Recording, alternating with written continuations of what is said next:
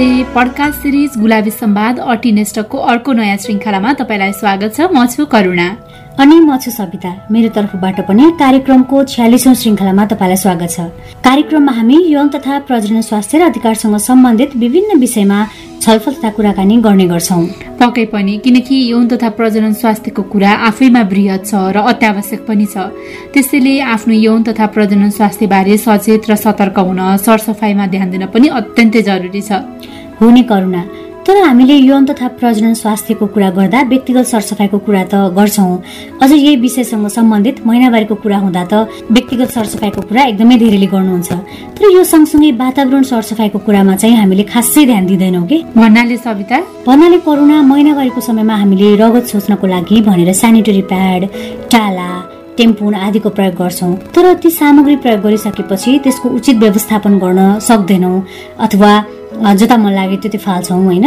फोहोरको गाडीमा हालेर पनि पठाइरहेको हुन्छौँ। जसले गर्दाखेरि हाम्रो वातावरण प्रदूषित भइरहेको हुन्छ जुन कुरा चाहिँ हामीलाई थाहा नै हुँदैन कि? त्यो त एकदमै हो सविता। र त्यसरी प्रदूषित भएको वातावरणले प्रत्यक्ष र अप्रत्यक्ष रूपमा हाम्रै स्वास्थ्यमा असर पुर्याउँछ।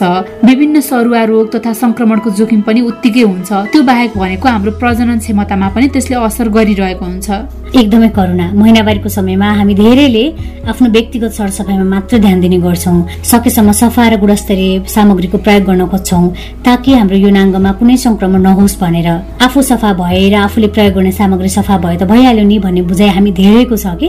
तर ती सामग्री प्रयोग भइसकेपछि कसरी डिस्पोज गर्ने अथवा कसरी त्यसको सही व्यवस्थापन गर्ने भन्नेमा चाहिँ हामीले चासो राख्दैनौँ अथवा हामी अन्यल नै छौँ अझै पनि।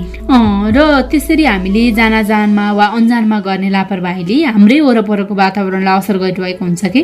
जहाँ मन लाग्यो त्यहीँ प्याड फाल्दा राम्ररी ऱ्याप नगर्दा गर्दा। त्यसले हाम्रो वातावरणमा प्रत्यक्ष प्रभाव पार्छ। र वातावरणमा देखिएको त्यस्तो प्रभावले नि सविता ढिलो चाँडो प्रत्यक्ष अप्रत्यक्ष रूपमा नकारात्मक प्रभाव चाहिँ हाम्रो स्वास्थ्यमा नै पारिरहेको हुन्छ कि? हुने करुणा र कतिजनाले त प्याडलाई खाल्डो खनेर पुर्ने गर्नुहुन्छ अनि प्लास्टिकमा पोको पारेर यत्तिकै फालिदिने पनि गर्नुहुन्छ होइन? अब यस्तो गर्दाखेरि तिमी आफै भन न त्यसरी प्याडलाई जमुनी मुनि पुर्दा त्यसरी अब जथाभावी बाटोमा अब घर वरिपरि नै फाल्दाखेरि त्यो गल्न त धेरै नै वर्ष लाग्छ नि त। यसले त हाम्रो जमिन हाम्रो माटो अनि हामीले खाने पानी पनि प्रदूषित हुन्छ र हामीले फेर्ने सास पनि प्रदूषित हुन्छ नि त लौकेन भन त। हो नि सविता हाम्रो आफ्नै लापरवाही र व्यवस्थाले गर्दाखेरि चाहिँ हाम्रै स्वास्थ्यमा प्रत्यक्ष अप्रत्यक्ष रूपमा नकारात्मक असरहरू परिरहेको हुन्छ जसले हामीलाई तत्काललाई केही समस्या नदेखाए तापनि दीर्घकालीन रूपमा चाहिँ धेरै असरहरू चाहिँ निम्ताइराखेको हुन्छ कि? त्यही भएर के कस्ता असरहरू चाहिँ निम्तिन सक्छन्? कसरी हामीले प्याडको व्यवस्थापन गर्ने भनेर चाहिँ यसै क्षेत्रमा रहेर काम गर्दै आउनुभएका विशेषज्ञ विशेषज्ञसँग गरिएको कुराकानी नै सुनाउ न त। नमस्ते सबैजनालाई मेरो नाम सुजाता कोइराला। म चाहिँ अहिले क्रिएसन बाल नामक संस्थामा हेड अफ प्रोग्राम्सको रूपमा चाहिँ काम गरिरहेको छु। सामाजिक अनि कल्चरली रिलिजियसली पनि सबैले चाहिँ महिनावारीलाई हेर्ने दृष्टिकोण चाहिँ फरक हुन्छ। र यही अनुसारले चाहिँ यसलाई हामीले फोहोर व्यवस्थापनसँग जोड्दाखेरि चाहिँ नेपाल जस्तो देशमा चाहिँ यसको व्यवस्थापनमा चाहिँ अलिकति कठिनाई चाहिँ देखिरहेको छ कि? जस्तै हामीले नर्मल तरिकाले हेर्ने हो भने सहरी क्षेत्र र ग्रामीण क्षेत्रमा चाहिँ विभिन्न किसिमको चाहिँ महिनावारीको लागि चाहिँ प्याडहरू युज हुन्छ। अब जस्तै सहरी क्षेत्रको कुरा गर्दाखेरि चाहिँ हामीले युज गर्छौँ रेगुलर सेनिटरी प्याड भनिन्छ त्यसमा चाहिँ प्लास्टिकको मात्रा चाहिँ अलिकति बढी हुन्छ अनि कटन्सहरू हुन्छ।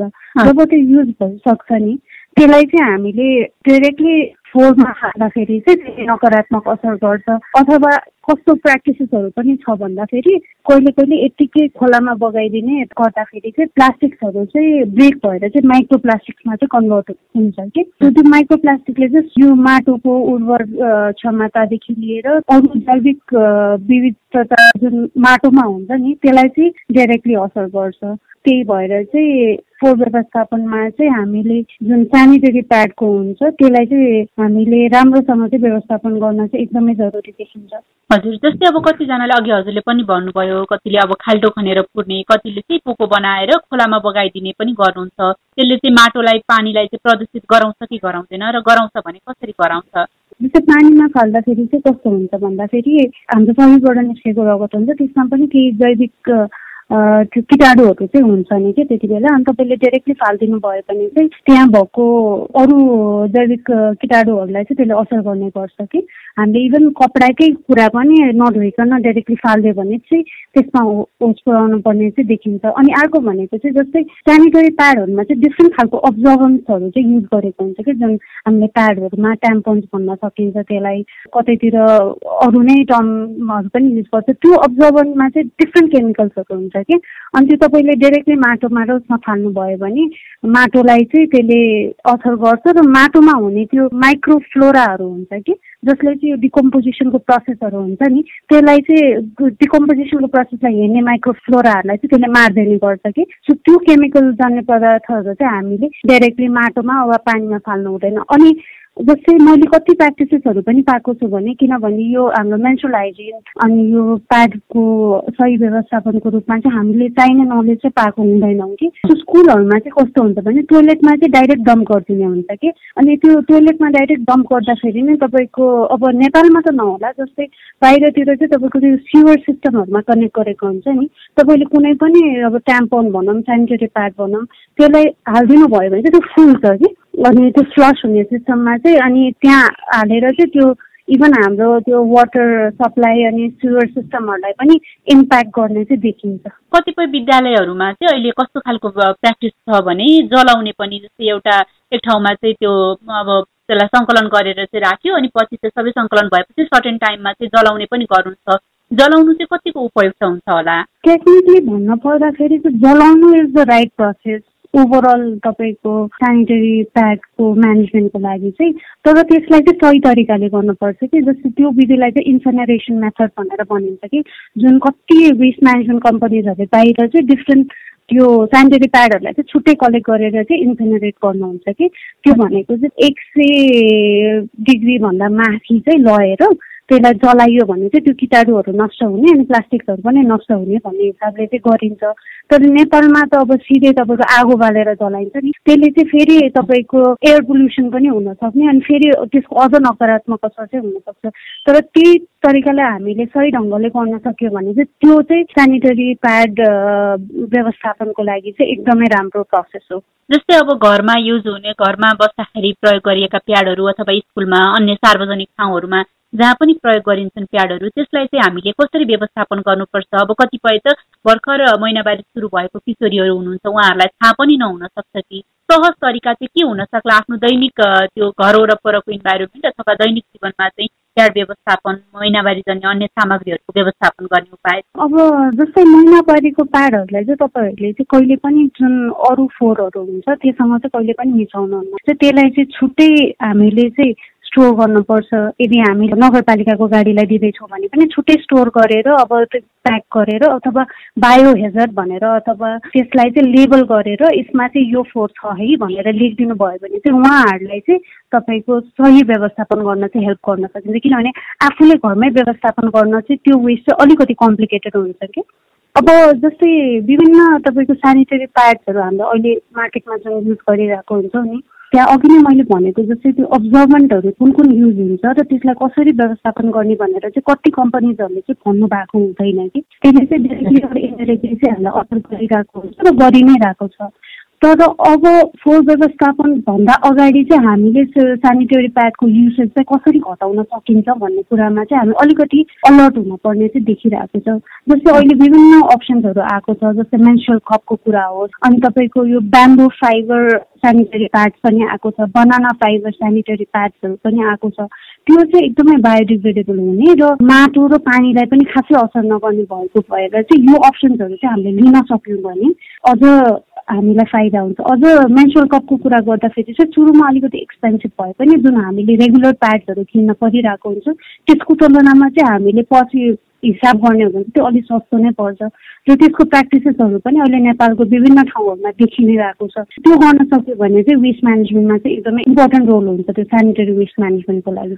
जस्तै अब यो प्याड व्यवस्थापनको काममा चाहिँ हामी धेरैलाई चाहिँ लाग्छ कि गर्ल्सहरू मात्रै चाहिँ रेस्पोन्सिबल हुनुपर्छ भनेर। त्यसको लागि चाहिँ फ्यामिली मेम्बर्स प्लस अरू चाहिँ मेल जो हुनुहुन्छ फ्यामिलीको सदस्यहरू उहाँहरू पनि रेस्पोन्सिबल हुन यसको बारेमा कन्सर्न हुन चाहिँ कतिको आवश्यक छ? एकदमै आवश्यक छ किनभने अब अहिलेको अवस्थामा हेर्दाखेरि चाहिँ हामीले जुन सेक्स एडुकेसनको कुरा गर्छौँ स्कुलहरूमा त्यो पनि अझै प्रपर तरिकाले नभएको चाहिँ देख्न सकिन्छ कि। अनि जुन हिसाबले महिनावारी हुने भनेको चाहिँ जुन फिजियोलोजिकल चेन्जेसहरू आउँछ नि वुमेनमा त्यसले गर्दाखेरि चाहिँ उसलाई अब मेल टिचर्सहरूसँग बोल्न मन नलाग्ने इभन म्यानहरूसँग कुरा गर्दाखेरि पनि अलिकति अप्ठ्यारो हुने अथवा महिनावारीको बारेमा चाहिँ कुरा गर्न चाहिँ अलिक अप्ठ्यारो मान्ने। अनि त्यो अनुसार चाहिँ अब मेरो अब सेनिटरी प्याड वेस्ट म्यानेजमेन्टको लागि म के गर्न सक्छु भनेको त त्यो त एकदमै परको कुरा हुन्छ कि। सो यो कुराहरू पनि हामीले जब स्कुलमा मेन्सुरल वेस्ट म्यानेजमेन्टको अथवा मेन्सुरेसनको चाहिँ अवेरनेस दिँदाखेरि चाहिँ यो कुरालाई चाहिँ एकदमै खुलेर हामीले स्कुल लेभलमा नै डिस्कस गर्न सक्यौँ भने चाहिँ अझ एकदमै राम्रो हुन्छ। अनि यो कुराहरू अब उनीहरूले सबै इन्फर्मेसन पाइरहेको बेलामा यो उनीहरूलाई सानै लेभलबाट हामीले सिकाउन सक्यौँ भने पनि उनीहरू अझ अवेर हुने पनि हामीले देख्न सकिन्छ।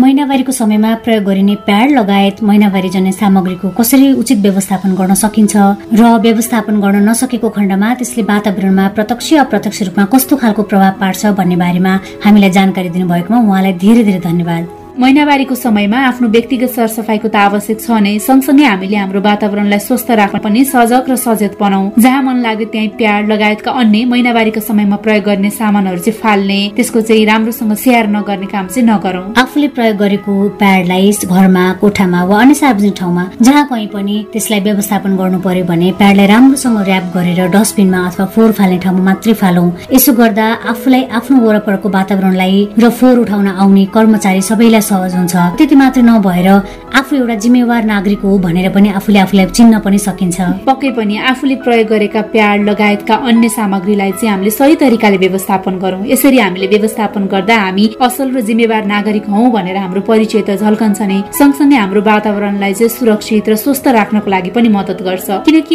यदि हामीले हाम्रै वातावरणलाई व्यवस्था गर्यौँ वातावरण प्रति चाहिँ हामी सचेत र सजग बनेनौँ भने त्यसले हाम्रै प्रजनन क्षमता र स्वास्थ्यमा चाहिँ असर पुर्याउँछ। र प्रदूषित वातावरण हुँदाखेरि चाहिँ त्यसले हाम्रो स्वास्थ्यमा के कस्तो असर पार्छ हाम्रो प्रजनन क्षमतामा त्यसले कसरी अप्रत्यक्ष रूपमा असर पुर्याइरहेको हुन्छ भनेर चाहिँ हामी अर्को हप्ता डिटेलमा कुराकानी गर्नेछौँ। त्यसैले हाम्रो कार्यक्रम चाहिँ सुन्दै गर्नुहोला र आजको कार्यक्रम कस्तो लाग्यो प्याड डिस्पोज चाहिँ तपाईँ आफूले पनि कसरी गरिराख्नु भएको छ भनेर आफ्नो अनुभव पनि हामीलाई सेयर गर्नुहोला। एकदमै। आज हामीले गरेको छलफल तपाईँको लागि सान्दर्भिक भयो होला भन्ने अपेक्षा सँगसँगै तपाईँलाई लागेको विचार हामीलाई पठाउनु होला त्यसको लागि हाम्रा विभिन्न ठेगानाहरू छन्। आफूलाई लागेको विचार हामीलाई भन्नको लागि हाम्रो इमेल ठेगाना रहेको छ Gulabi Sambad at Gmail dot com G U L A B I S M B A D Gulabi Sambad at Gmail dot कममा इमेल मार्फत पठाउन सक्नुहुनेछ। अथवा हाम्रो Facebook page W W W dot Facebook dot com slash Gulabi Sambad यसै गरी Instagram Twitter TikTok र युट्युबमा पनि हामी गुलाबी सम्वाद नाममा चाहिँ उपलब्ध छौँ। त्यहाँ पनि तपाईँ र हामी कनेक्ट हुन सक्छौँ। त्यस्तै गुलाबी सम्वाद टिनेस्टकले उठाउने विषयवस्तु अर्थात् यौन तथा प्रजनन स्वास्थ्य र अधिकारसँग सम्बन्धित सामग्री हाम्रो website W W W dot Gulabi Sambad dot com र हाम्रो ब्लग ठेगाना W W W dot Gulabi Sambad dot blogspot dot कममा पनि प्रकाशित छन्। ती सामग्री पनि तपाईँले पढ्न सक्नुहुन्छ र तपाईँका पनि त्यस्तै अनुभव छन् भने हामीलाई लेखेर वा रेकर्ड गरेर हाम्रा विभिन्न ठेगानामा पठाउन सक्नुहुन्छ। तपाईँले हाम्रो यस पडकास्ट श्रृङ्खला गुलाबी सम्वाद अटिन स्टक एङ्कर डट एफएममा गएर Gulabi Sambad teen talk search गरेर पनि सुन्न सक्नुहुनेछ। त्यो बाहेक तपाईँले देशभरिका विभिन्न छत्तिसवटा स्थानीय रेडियो स्टेसनबाट हाम्रो कार्यक्रम हप्तैभरि विभिन्न समयमा सुन्न सक्नुहुनेछ। तपाईँले अहिले कुन अनलाइन प्लेटफर्म वा कुन रेडियो स्टेसनबाट हामीलाई सुन्दै गर्नु भएको छ भनेर जानकारी गराउन पनि नभुल्नुहोला भन्दै आजका लागि पडकास्ट सिरिज गुलाबी सम्वाद अटिनेस्टकको छयालिसौँ श्रृङ्खलाबाट सविता र करुणा विदा माग्छौ। नमस्ते। अर्को श्रृङ्खलामा पुनः भेट्नेछौँ।